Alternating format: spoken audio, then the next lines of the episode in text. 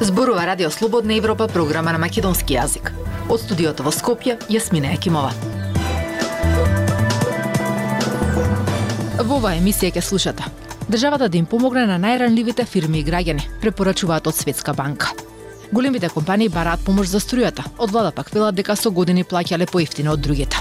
Што е поисплатливо, обичен или електричен автомобил? Следете на.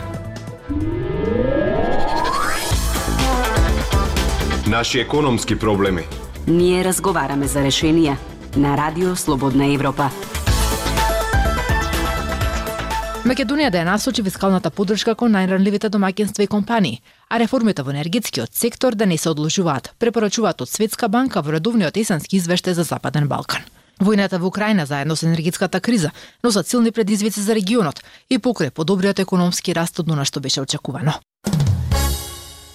Век на енергетска криза и војна во Украина, Македонија се соочува со највисока инфлација до сега, со што несразмерно се намалуваат реалните приходи на сиромашните. Се наведува во редовниот исански извештај за Западен Балкан на Светска банка, што ја вклучува и земјава. При тоа се посочува дека поради ограничениот фискален простор, зголемен јавен долг и трошоци за финансирање, фискалната поддршка треба да се насочи кон најранливите домаќинства и компании. Како што истакна Максимилијано Паулуч, директор на Светска банка за Северна Македонија и Косово, поддршката на владата за енергетски ранливите групи е чекор во вистинска насока, но мерките треба да бидат насочени и временски ограничени за да се има што помали фискални ризици. Регионот се соочува со нови неповолни шокови, сите земји на Западниот Балкан усвоја политики за да се ублажи влијанието на инфлацијата врз најранливите домаќинства.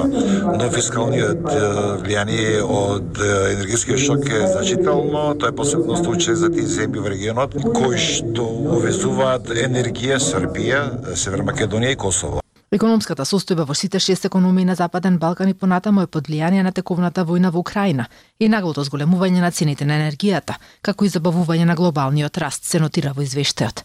При тоа се потенцира дека овие кризи создаваат силни предизвици за регионот и покрај економскиот раст кој е подобро од очекуваниот на почетокот на годината. Сања Маджаревик Сјустер, виш економист на Светска банка и главен автор на извештајот, посочи дека Македонија има најголем пакет на фискален одговор за кризата од сите шест земји на Западен Балкан. Сепак таа нагласи дека вториот пакет за поддршка за кризата треба да биде за најранливите домаќинства и фирми. При тоа забележа дека има владени реформи што не чинат многу пари, ама им треба политичка заложба и имплементација. Закрепнувањето на пазарот на трудот исто така доведе до намалување на стапките на сиромаштија и чекуваме дури и со војната што се надвисува над нас во соседството на Европа. Дека и годинава сиромаштијата ќе продолжи да опаѓа. Зошто е тоа така? Бидејќи сите земји внесоа пакети за поддршка за време на криза кои што треба да помогнат да се олесни влијанието врз сиромашните. Во својата неделна колумна пак, министерот за финансии Фатмир Бесими ја нагласи потребата од фискална консолидација, односно преземање конкретни политики насочени кон намалување на буџетскиот дефицит и долгот во на криза. Тој најави постепена фискална консолидација, која ќе го поддржи економскиот раст. Планот е тоа да се направи преку три механизми: подобрување на наплатата на буџетските приходи, намалување на буџетските расходи, како и промена на изворите на финансирање на буџетскиот дефицит. Само по основна главнина во 2023 година доспеваат стари обврски во износ од околу 800 милиони евра, од кои 450 милиони евра се однесуваат на еврообврзницата издадена во 2016 година. При тоа, за наредната година изнесуваат околу 240 милиони евра, или заедно со доспеаниот долг надминуваат милиарда евра. Слободна Европа. Следете на на Facebook, Twitter и YouTube. Големите фирми кои набавуваат струја на слободниот пазар се жалат дека не можат да си ги платат сметките и барат владина помош за да не затворат. Од влада пак велат дека тие со години плаќале два до три пати поевтина струја од оние на регулираниот пазар, па требало да си направат фондови за криза. Прилог на Срјан Стојанчов. Владата очекува добри вести за струјата од шефицата на Европската комисија Урсула фон дер Лајен, која в среда доаѓа во посета на Скопје. Големите фирми кои набавуваат струја на слободниот пазар во изминатите месеци се жалат дека не можат да издржат да плаќаат толку високи сметки и бараат владина помош за да не затворат и да не отпуштаат работници. Берзанските цени на струјата оваа година се 5 до 7 пати повисоки од изминатите години. Председателот на Македонската енергетска асоциација Кочо Андјушев на почетокот на овој месец рече дека голем број од фирмите во индустријата не може да ги издржат овие цени и затоа бараат помош од владата. Ако овие компании почнат да затвараат, во тој случај а, таму работат граѓани наши кои што треба да плаќаат сметки, ако ти не земат плата и така малите сметки кои што се значително субвенционирани нема да може да ги платат. Министерот за економија Крешник Бектеши минатата недела рече дека се надева фон дер Лајен да ја објави помошта за Македонија за справување со енергетската криза. Се очекува Европската унија да одвои една милиарда евра помош за земјите од Западниот Балкан за справување со кризата. Владата од домашно производство обезбедува поевтина струја за домаќинствата и за околу 70.000 мали компании кои се на регулираниот пазар. Околу 1360 големи фирми набавуваат струја на слободниот пазар. Струјата за малите фирми на регулираниот пазар сега е околу 220 евра за мегават час. Струјата на берзите после руската инвазија врз Украина одеше и над 500 евра, а просечната цена годинава е над 280 евра за мегават час. Поради скапата струја веќе затвори фабриката Euronickel Кавадарци, поранешно Фени, кој е најголем потрошувач во земјава, а клуч на врата стави и рудникот Бучим. Во владата велат дека големите фирми со години плаќале ефтина струја и оти требало да си направат фондови за кризни времиња. Тие посочуваат дека од 2016 до првата половина од 2021 година големиот бизнис плаќал меѓу 35 и 58 евра за мегават час. Во тој период малото стопанство кое е на регулираниот пазар плаќало просечно по 110 евра за мегават час. Сега кога берзанските цени не им одговараат, бараат помош. Во владата велат дека нашле струја за стопанството од Турција по околу 250 до 270 евра за мегават час, но оти на домашните фирми таа цена не им одговарала. Во моментов се вршат преговори за производство на струја за бизнисот од когенеративната гасна централа Тето, но со сегашните цени на природниот газ, производствената цена на струјата е многу висока. На почетокот на месецов, председателот Стево Пендаровски побара Европската Унија да надомести дел од цената за струјата што Македонија ја набавува од странство. Пред две недели Еврокомесарот за проширување Оливер Вархеј рече дека е запознаен со барањето и дека се работи на поширок пакет за спас. Црногорската министерка за европски работи Јована Маровиќ пред неколку дена рече дека Европската Унија најавила помош од 1 милиарда евра за земјите од Западен Балкан за справување со последиците од енергетската криза. Дайте ни 15 минути и ние ќе ви го дадеме светот. Слободна Европа.мк Цената на енергенсите расте, ама потрошувачката на електричните автомобили останува најниска ако се спореди со она на класичните. Ова го тврдат и експертите и собствениците на електрични автомобили. Повеќе за ова од прилогот што го подготви Емил Златков. И покрај тоа што цената на струјата е зголемена, потрошувачката на електричен автомобил останува најниска во споредба со класичните автомобили, велат експертите и собствениците на електрични автомобили. Костин Гургеа, продуцентот на шоуто Супер Спит на ПроТВ, тестира секакви автомобили, и поевтини, поскапи и на бензин, и дизелаши и електрични. Тој за Слободна Европа пресмета колку трошат електричните и класичните автомобили во услови на новите пазарни цени. Електричните автомобили трошат некаде помеѓу 18-19 и 29-30 киловат часа во зависност од моделот, стилот на возење, на дворешната температура, дали е лето или зима. Сакам да земам во просек 25 киловат часа. Објаснува Гургеја. Телевизискиот продуцент вели дека може би има многу кои му противречат, бидејќи секој возач има свој стил на возење, што значително влијае на потрошувачката. Накратко, електричниот автомобил вреди ако го полните дома. Колку долго? Тоа е прашањето на кое другите можат да одговорат. Зависи од тоа колку ќе се зголеми цената на енергијата.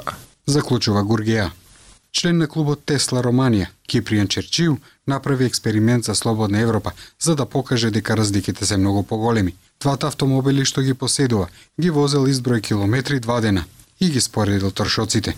Разликата надминува 40 евра. Черчил пред неколку години, наброго откако го купил својот прв автомобил, решил да инвестира во соларни панели. Речи си целиот покрив на својата куќа го обложил со панели и моментално не троши пари за гориво и за грејење. Инвестицијата го чинела 15.000 евра. Фотоволтаичниот систем, кој веројатно сега би достигнал 20.000 евра, ја обезбедува целата потрошувачка на куќата. Грејење, полнење за два автомобили вишок од 5000 киловат часа годишно. Вели Черчил. Првично Черчил пресметал дека ќе си ги врати парите за 7 години, бидејќи со новите цени на енергензите, сигурно е дека таквата инвестиција се враќа за помалку од две години. А кога станува збор за потрошен материјал, електричните им даваат класа на класиците. Така барем покажуваат бројките. Андреј, кој работи во автосервис повеќе од 15 години, вели дека за електричните автомобили потрошните материјали се поевтини од другите. Сепак членовите на Тесла клуб велат дека производителите проценуваат дека батериите амортизираат со стапка од 1% годишно, а Европската унија воведе 8 годишна гаранција, гаранција која не постои за класичните мотори на автомобили. Друга предност би било тоа што секоја батерија е модуларна, а во случај на проблеми не се менува целата батерија, туку само неисправниот модул. Во Европа процентот на продадени електрични автомобили достигна 9,9% во споредба со 6,6% во 2021 година. Цената се уште останува главна пречка за купување на електрични автомобили. Иако во последниве години постојано се намалува, тоа е 10 до 20% поголемо од автомобилите со внатрешно согорување. Радио Слободна Европа, светот на Македонија. Професори по македонски јазик и литература апелираат за поголеми вложувања во учење и истражување на јазичните прашања, за да покажеме дека јазикот е нашиот идентитет. За грижата за мајчиниот јазик, повеќе во прилогот на Марија Тумановска. Фактот што во последните 24 години на Институтот за македонски јазик било одобрено само едно вработување е само еден од показателите дека не се грижиме доволно за македонскиот јазик, коментира стручната јавност. Во моментот во Агенцијата за вработување евидентирани се 89 невработени професори по македонски јазик и тројца лектори. Бројот на оние кои завршиле македонски јазик, а работат друга професија е исто така голем. Од Институтот за македонски јазик најавија нови 17 вработувања вработување. а премиерот Димитар Ковачевски порача дека новите вработувања се знак дека државата се грижи за македонскиот јазик. Сепак дел од македонистите со кои разговаравме велат дека и покрај декларативните заложби дека јазикот е нашиот идентитет, праксата не го покажува тоа. Видливо е дека јазичните прашања јазикот воопшто, нам како на општество ние на последно место, преку се помалиот број вработувања лектори во јавните институции, преку нелекторираните веб страници на јавни институции, што значи дека власта и самата го крши законот за македонски јазик, преку тоа што постои голема негрижа, например, за првото училиште во кое што се изучувал македонскиот јазик, во кое што се зборувало и се предавало на македонски јазик денес по народно-слободителната војна, преку тоа како се однесуваме кон книжевното наследство на големите великани што придонеле нели кон литературата и кон јазикот како Тале Попов и Славко Јаневски, Конески, преку недостигот од две страници за овие јавни личности и преку архиви за нивното творештво. Вели Татјана Ефтимовска, лектор и професор по македонски јазик и литература. Покрај потребата од поголема институционална грижа за јазикот, потребна е и индивидуална, истакнува доцент доктор Ана Витанова Рингачева, шеф на катедрата за македонски јазик и литература на филолошкиот факултет во Штип. Треба а, пред се да има да има индивидуална грижа кон јазикот во смисла правилно да го говори македонскиот литературен јазик, правилно да го пишува, правилно да го пренесува, а, правилно да го употребува еве да кажеме на социјалните медиуми кои што се наше наше секојдневие и кога сите овие а, фактори заедно би, би, би се фузирале, тогаш мислам дека а, таа грижа, односно грижата за јазикот ќе биде на, на многу повисоко ниво. Од друга страна пак се чини дека секоја следна генерација се послабо го зборува мајчиниот јазик. Имаме средношколци, ама и студенти кои недоволно добро знаат да зборуваат и пишуваат македонски јазик.